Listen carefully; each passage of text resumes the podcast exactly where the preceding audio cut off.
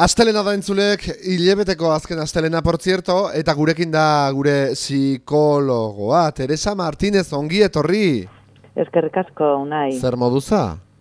Ongi, mentxe gaude. Vale. Lantalan, ez da? Lantalan, beti bezala. Osongi. Teresa, gaur trauma ingurun, bueno, bat bat trauma, kozkorrak trauma undik, eh, nolabait gainditzeko balia bide ingurun nahiko zaizketan, ez da? Horixe, bai. Zer egin ditzu trauma handi bat, eh, Teresa? Bai, pues, hasiko gara txikienetatik, direla, pues, istripu bat. Esperoz duzun zerbait. Eh? Pues, eh, kotxe istripu bat, zu, zu istripu bat, edo zin istripu bat. Bigarrenik, naturak sortzen dituen ondamenak. Katastrofe, pues, ur, urte bat, edo terremoto bat, horrelakoak eta bukaera hirugarrena intentzioarekin egindako ondamenak, mina sortzeko. Ba, lapurretak, agresioak, atentatuak, horrelakoak. E, hirugarrenak dira okerrenak, gogorrenak. Ez ditugulako espero eta direlako oso aleatorioak. Ez dira zuk ez duzu ezer egin, hori zuri pasatzeko eta gainera mina egin nahi dizute. Zeren besteetan hori ere pasatzen da, ez? Aleatorioak dira, mm, hortik pasatzen zinen, edo, mhm. edo bueno, ba, zure gana etorri dira zuzenean, baina zuk ez duzu espero zenuen erantzun hori lortzeko zerbait. Ja. Eta horregatik dira oso traumatikoak ez ditugulako, ez gadelako prestatuak hortarako, ez? Gure psikologia ez dago, e, ez du hori espero, eta ez dago prestatua. Orduan oso gogorrak dira, eta oso xok handi bat sortzen, sortzen digute. Hmm? Adibidez, egun hauetan, pues, e, ari gara, hori ez, dagoen, iruñan dagoen juizioa, ba, agresio baten ondorioz, ba, bueno, pues, hori, hori da egoera bat ere bai olako adibideak. Osongi. Bueno, kontuk, bueno, batetik mai gainen trauma handi batzuk badie, eh? Bai. Baditzugu, eta ban pixko nahi behar dozu hortaz, ez da? Alegia trauma bai. hori gainditzeko, balia bideke badie, trauma hori gainditzen baitie, e, bai. bide oso gorra da, hori bai. ala da, beti izan izan hori da, baina balia bidek badaude, ez da pixko torren inguru nahiko za? Hori da, bai lehenbiziko gauza da, jakitea, ez, e, normalean, askotan ez dauzkela soluziorik. Baino bai, posiblea dela gainditzea. Ezaten dena elaboratzea. Hm? Eta elaboratzeak eskatzen du prozeso laguntza, prozeso lagungarri bat, eta e, kontutan izatea zeinbait fase edo etapa, ez? Lehenbizi kontutan izan behar dugu olako egoerak sortzen duten impacto psikologikoa. Persona aldatzen dela. Hmm? Bere balio, balio bide guztiak batzutan joaten dira pikutara eta askotan lehenbiziko erantzuna da gelditzen direla ba, e, e, ezin, erantzun ezinik. Horreri deitzen zaio e, estado disociatibo eta horrelako egoera batean gelditzen balin bagara, ezin dugu erantzun. Ez ez dakigu kasi ez da nortzu garen. Eta egin dezakegu edo zer, edo zer gauza horrelako egoera baten aurrean. E, horrelako egoera baten aurrean gaudenean, atera bai behar gaituzte e, egoera hortatikan, osea, hartu eta eraman. Atzetikan hartu eta tiratu zeren persona edo zein gauza egiteko gai da legio batetik botatzeko edo edo zer gauza. Orduan, importantea da hori ez, ikustea, detektatzea persona hori dagoela disoziatuta, ez dakiela norden, ez dakiela zer gertatu zaion, ez dakiela ezer, mhm. eta eukiko duen erantzuna ez dela izango logikoa. Mm, edo zer gauza egin dezakela. Ulertzen da, trauma potente horren aurrean.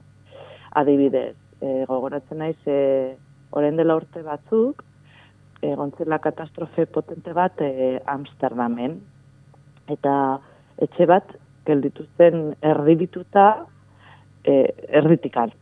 Eta zeuden ama eta alaba bat telebista ikusten, eta bere zala gelditu zen erditikan moztuta.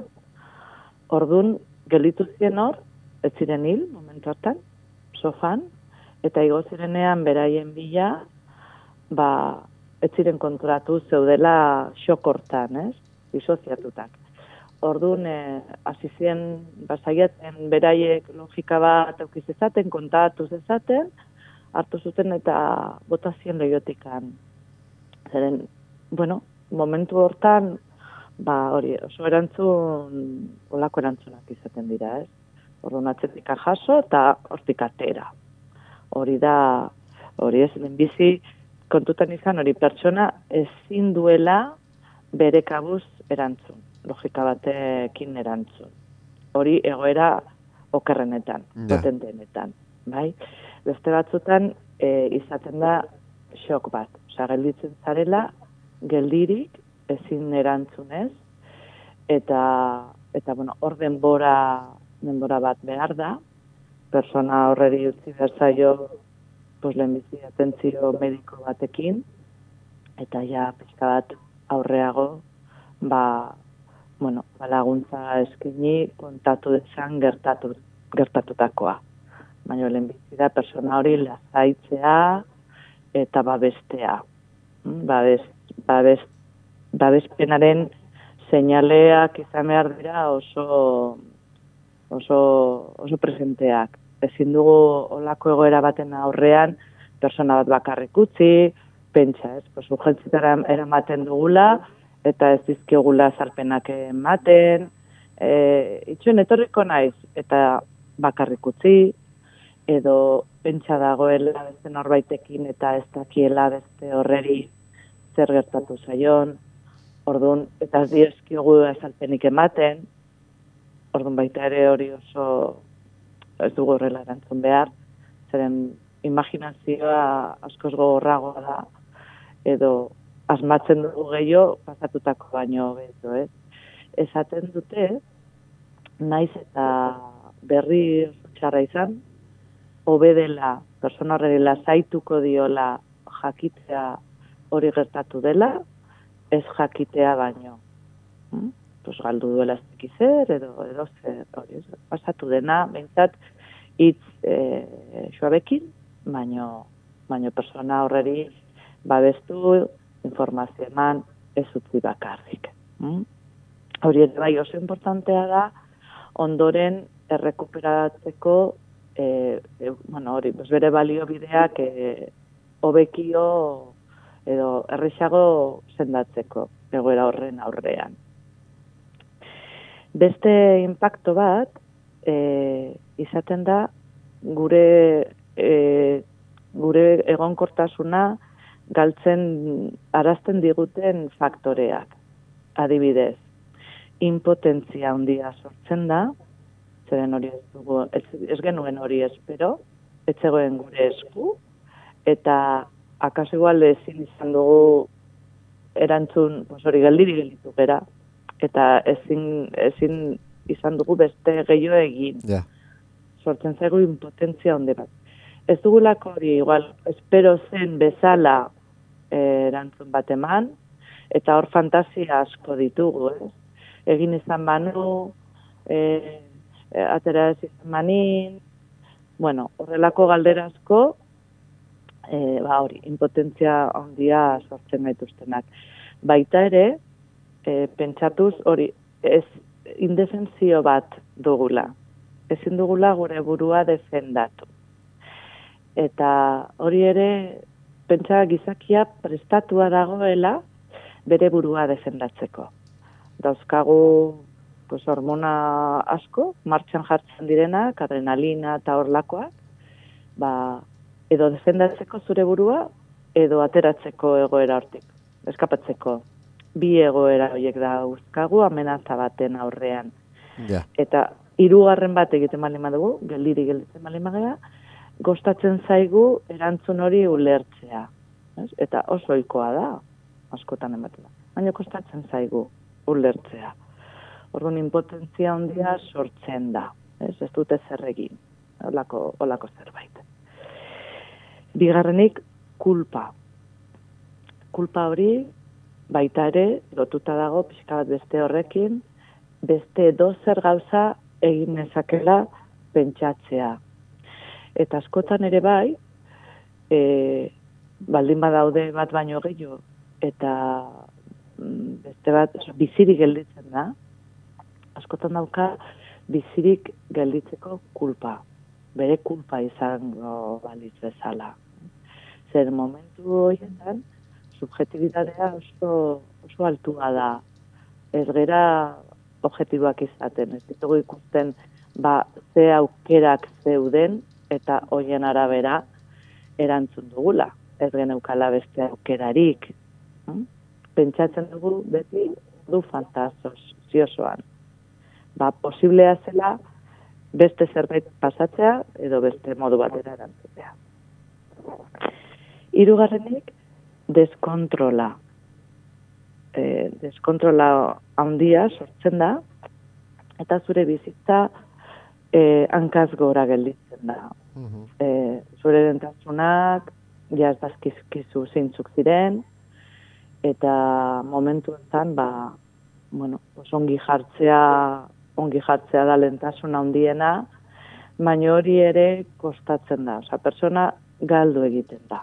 Kontrola galtzen du. Ez dakielako, orain zer gertatuko den, noiz e, bizitza bere modu oikora e, e, egongo den. Kontrol falta hori, ba, hori, pues deskontrola sortzen du eta ansiedadea handia sortzen du. Horrekin batera, beldurra, beldurra i olako egoera antzeko baten aurrean jartzeko. Osa, adibidez, e, istripu bat izan baldin bada, bakotxe hartzeko berriz, edo kale baten pasatu baldin bat zaizu lapurketa bat, pos kale hortatikan pasatzea, gau ez izan baldin bada, gau ez joatea, bakarrik joatea. E, bueno, hori, egoera berdintxu baten aurrean, berriz, ba, ba egotea. Beldurra handia egoten da eta ulergarria da. Baita ere munduarekiko deskonfidantza. Ezin dut konfiatu. Zeren ez dakit edozen momentuan edo zer gauza pasa daiteke.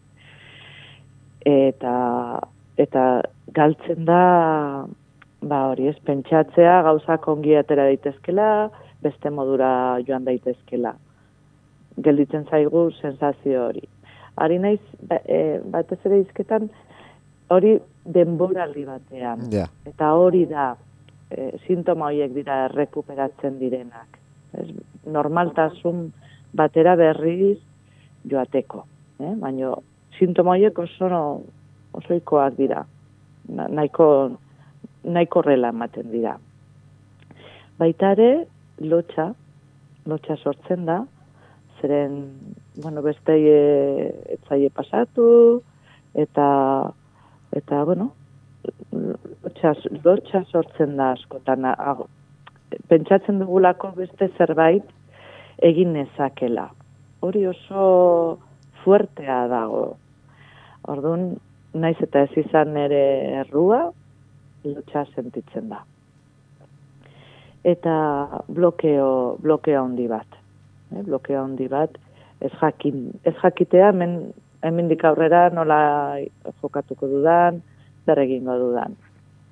Eta e, hori ez, ez izatea gai, ba, erabakiak hartzeko, edo, edo zer gauza egiteko, bidai bat prestatzeko, etxetik ateratzeko askotan ere bai, blokeo, blokeoa da oso oiko gauzetan eta hori oso gogorra da. Oso gogorra da, zeren gure referentzi puntuak galtzen dira. Galtzen dira. Orduan, bueno, hori da gutxi gora bera daukaguna egoera, eta nola errekuperatzen gara olako egoera baten aurrean. Nik uste dut, beti, beti laguntza psikologikoa eta medikua eskatu egin behar dela. Medikua lehenbiziko momentuetan, ba, ikusteko ere nola, nola galditu zaren, nola zauden, eta bigarrenik psikologiko laguntza. Ez, ba, errekuperatzeko berriz konfidantza hori eta eta kontrol sensazioa. Orduan nola tratatzen da, ez, e, psikologikoki. Lehenbizi, e, onarpena. Onartzea, persona horredi pasatzen zaizkion gauza guztiak, ez, antzematea. Bigarrenik, errespetu handia persona horrek eukidituen erantzunei eta hemendik aurrea pues, duen egoera egoera horreri, ez? Ulertzea, ulertzea persona hori kostatuko zaiola berriz ere bere bizitza bere egunerokotasuna errekuperatzea.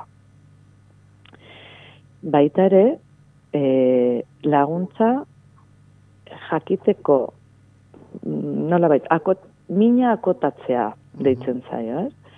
Eta e, jakitea pasatu zaiona, pasatu zaiola, baino ez duela, ez duela dena galdu, adibidez, ez, pues dena galdu dut. Bueno, dena galdu duzu, edo galdu duzu hau, edo beste hau. Mm?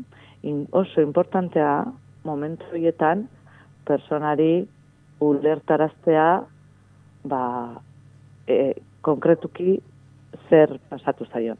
Eta zer daukan oraindikan zer, zer ez duen galdu, zer indikan dago bere bizitzan, eta zer referenteak dituen.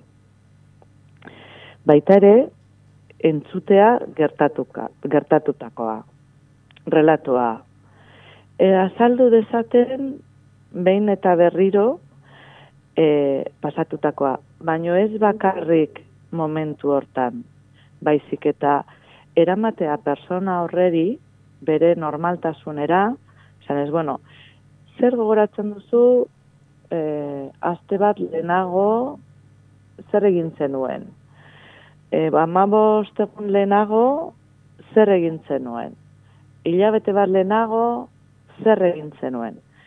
Eramateko, persona hau, bere normaltasunera. Zeren hori da helburua. Atera behar da persona, egoera, blokeo hortatik, ez? badirudi mundua eta bizitza gelditu zela, eta ez dagoela ez leno eta ez ondoren. Un, hori ulertzea importantea da, baina baita ere, er, eramatea pers, pizkanaka, persona horreri bere, bere, hori, bere beste momentu horietara, bere normaltasunara, e, ba hori, kontaraziz, bere rutina, egindako, egindako gauzak. Vale. Eta, bueno, baita ere, diskoat hori, ez? Ikusi persona horrek mm, oraindikan e, ongi dituen fakultadeak edo e, zertarako den gai. Hori oso hori detektatu behar da. Ba, adibidez, ez da gai ba, etxeritik ateratzeko, baino bai da gai bazkaria prestatzeko etxea txukuntzeko, e, liburu bat irakurtzeko, igual lagun guztiekin egoteko ez, baino bai fulanita tamen ganetakin egoteko, detektatu hori, zer, zertarako den gai, bere gaitasunak, bere gaitasunei heldu. Zen hortikan aterako da persona. Ikusiz pixkanaka, pixkanaka, e, gai dela bere bizitzari pues hori, aurre egiteko. Normaltasun batean ba, sartzeko berriz ere. Eta, bueno, pues bukatzeko baita ere aipatu, badirela laguntzen duten terapia batzuk, badago terapia bat deitzen dena EMDR, eta terapia hau e, egiten duena da desblokeatzea garunan blokeatuak gelditu diren ba, ba, bueno, ba parteak, ez? Et, zeren garuna ere gelditzen da, oza, fizikoki ere badago blokeo bat. Eta desblokeatzeko parte hoiek, badago terapia oso zentzila bat, begiekin, behatz eta begiekin egiten dena, begiak alde batera eta bestera gora, bera, eskuin eskuira eramanez, ba, joaten dira desbloke hoiek lortzen. Eta hoiek ere dira la, lagungarriak. Mm Zeren, bueno, importantea da baita laguntzea hori, ez esaten genuena medikoki, osea, fizikoki, ez bakarrik yeah. psikologikoki. Eta bueno, pues beti bezala, pues eh, la escucha, ez? Entzutea. Entzutea eta entzutea pazientzia askorekin eta eta bueno, eta joatea ez naiz hartzen on pizka bat aurreago egin behar duguna. Zeren aurreago egin behar duguna da beldur horreri aurre egin. Ez baino lehenbiziko lehenbiziko erantzunak dira normaltasuna lortzea eta bigarren pausa izango litzake beldurrari aurregin. Baino hortarako ez dugu presarik euki behar. Zen askotan gure erantzuna da, bueno, persona hori, ba, beldurra hori gainditu dezan, eta gai izan dezan, ba, zenatoki berdinera joatea, eta eta betiko gauzoiek egitea. Ba, ez, ez da hori egin behar dena, baizik eta lehenbizi errespetatu persona horren ba, bueno, pixkanaka, pixkanaka e, normaltasun batean egite, oza, sartzeko, eta ondoren bai, pues, saiatuko gera laguntzen pixkanaka, pixkanaka, ba, beldurroiek gainditzen, eta, bueno, hartu behar diren neurriekin baita ere. Zeren askotan, e, beldur bat gainditzeko, pues, leno etzen itun hartzen neurriak igual hartu behar dira. Hori aztertu egin behar da baina hori beste kontu bada unai. Ez da erresa, e, bidea ez da erresa, Teresa. Bai. Laguntza handi behar izaten e, bai. due olako, beti ere trauma handi bat pasatu duenak, ez da? Bai. Laguntza bai. ingurukoena, etxekoena, lagunena, baino profesionalena dudik, e, dudik gabe, ez da? Bai. Baino bai egie da, e, bueno, ba, denborakin eta bide zaili izan arren gainditzen dela dioa, ez da? Bai, bai, hori egia da, Osea, posiblea da, bada trauma batzuk, igual ezin direna, ezin direna kain erreixak, baina orokorrean, bai. Eta egia da, badirela persona batzuk, balia bide gehiago dituztenak besteak baino. Hori ere, horrela da. Eta badago indikadore, hola, esaten duzunez, pronostiko nadauke persona horrek, dela ez galtzea umorea. Ez galtzea parra egiteko ba, kapazidadea, ez? Umorea, hori oso predikto de ona da. Así que ez baldin ba zaigu ateratzen bilatu egin behar dugu. Bilatu egin behar dugu, non, oza, oza, bile, hori ez, pues, non dugun gure alaitasuna, parra egiteko gogoa. Así que, hori importante. Bueno, tira, gaur trama undin e, bueno, ingurun eta hor gainditzeko balia bidezen batzen e, zera berri eman diu Teresa Martinezek, hilebeten bengurean izaten da, mendik hilebete baten burun berriz agurtuko dot, izane ordune izanen da, eh? zer e, aipatu. Teresa, mentxe utziko beraz? Osongi.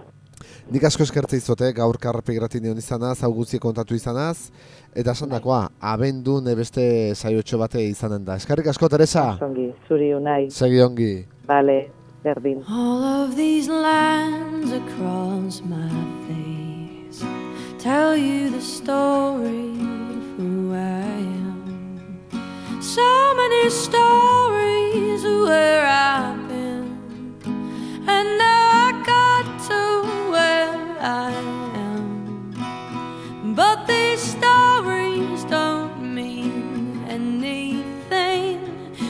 got no one to tell them to. It's true. I was made for you. I climbed across the mountain tops.